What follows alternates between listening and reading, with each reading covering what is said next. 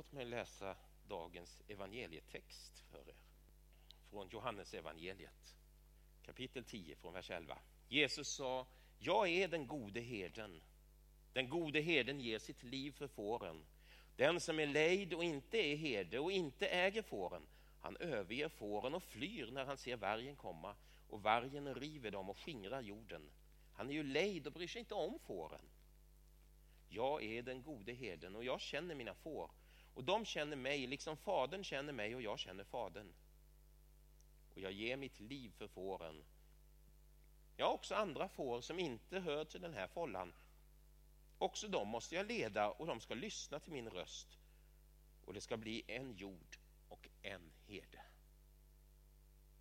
Så lyder det heliga evangeliet. Lovad vare du, Kristus. 38, 39, 40, 41. Och så några barn där nere. Och någon ledare, någon som går och grejar där ute. Här är inte riktigt hundra idag. Eh, det är jätteroligt att ni är här, men var är de andra? Han räknade heden 98, 99. Det saknas en. Här är inte riktigt hundra. Det skulle vara hundra får, här är bara, här är bara 99. Var, var är det förlorade fåret? Var är det hundrade fåret? Ja, ja, har man ändå 99 så är det ändå ganska bra. Nej, så säger han inte heden. Här är bara 99 får, här skulle vara 100. Jag har 100 får. 100 människor har jag skapat till min avbild. 100 människor älskar jag. Det är bara 99 av de här. Var är den hundrade? Jag måste ut och leta.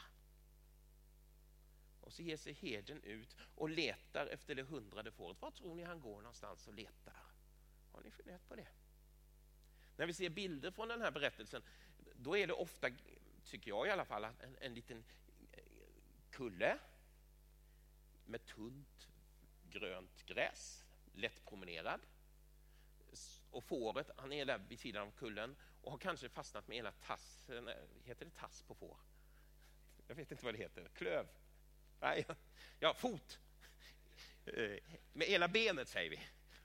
Det lilla fåret har fastnat med ena benet i ett litet snår vid sidan som är det enda som bryter av en alldeles idyllisk och fantastisk bild i övrigt. Det finns säkert andra bilder, men, men jag tänker att ofta så har jag sett den här berättelsen illustrerad på ungefär det viset. Men var går herden när han ska leta efter fåret som har försvunnit? Ja, han går ju på platser där det är risk att försvinna. Han går på farliga platser.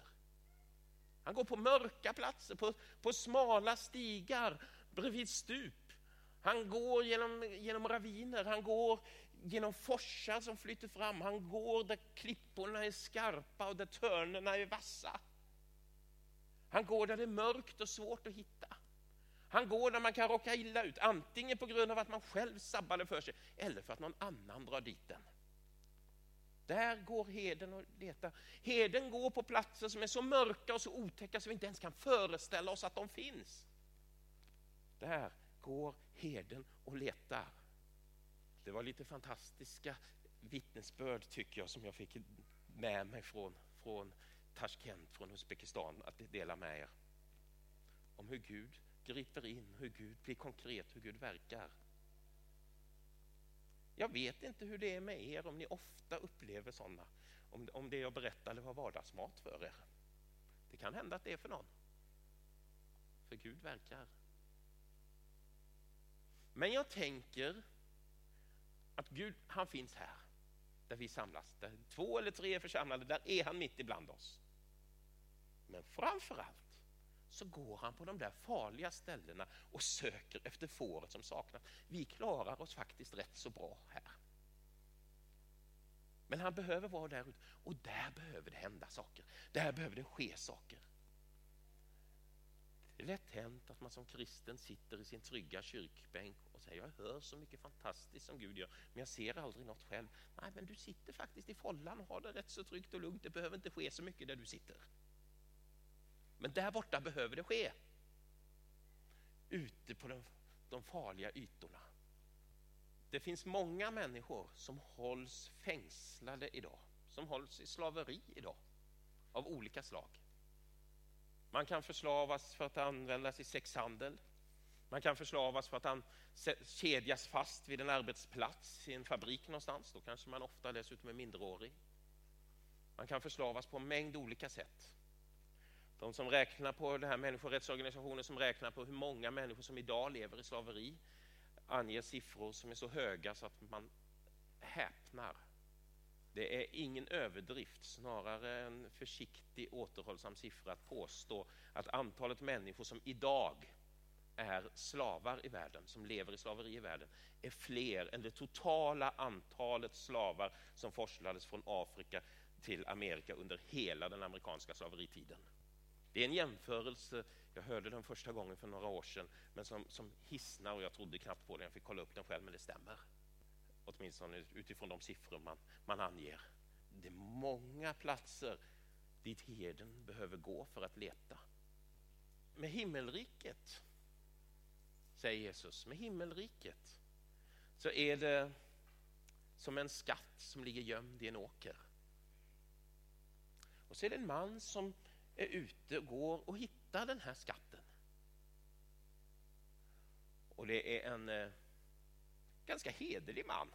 För han gräver inte bara upp skatten och tar hem den, utan han går iväg och, och säljer allt han har för att få råd att köpa åken. Och så går han tillbaka och gräver upp skatten. Han var inte riktigt tillräckligt hederlig för att tala om att det låg en skatt när han köpte åken. Men det behövde han väl inte. Han går hem eh, med den här skatten och lyfter fram den och plötsligt kommer den till sin rätt. Den här skatten som har legat, hur länge vet vi inte, men den har legat gömd under jord. Människor har gått förbi där förr, förmodligen trampat på den utan att veta vad den var värd. Den har legat smutsig, gömd, fördold. Ingen har anat värdet av denna skatt som har legat där i åkern. De flesta har inte sett att den finns än, så de som har sett den de har tyckt att det har skavt lite under foten när de råkat trampa på den.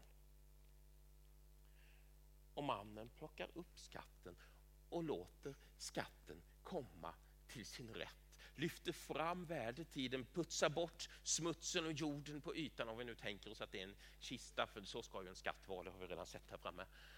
Putsar bort jorden på den, öppnar den och den är inte tom som den här var, utan den är full av värde. Den här berättelsen känner ju ni till.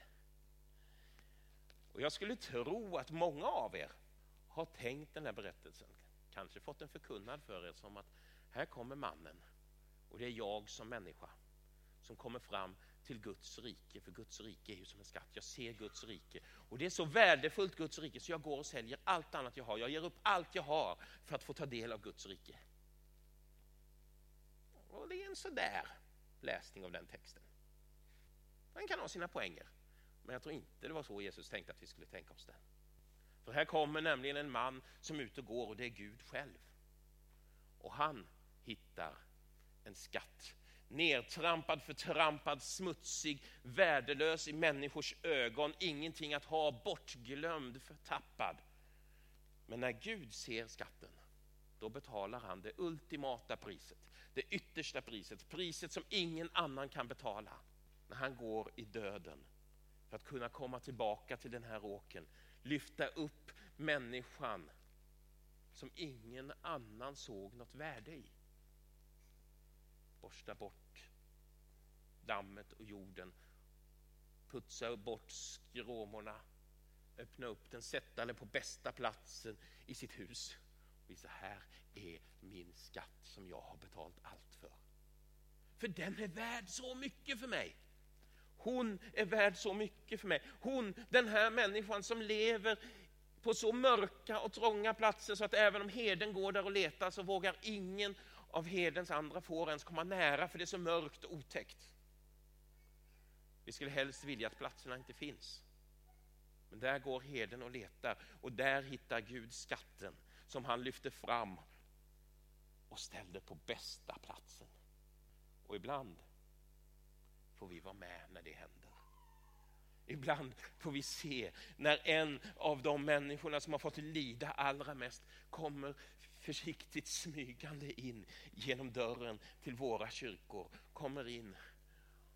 Och visst känns det bra att kunna säga till varandra att nu kom det hundrade fåret in genom vår kyrkdörr och in i vår församlingsgemenskap. Det gjorde vi bra.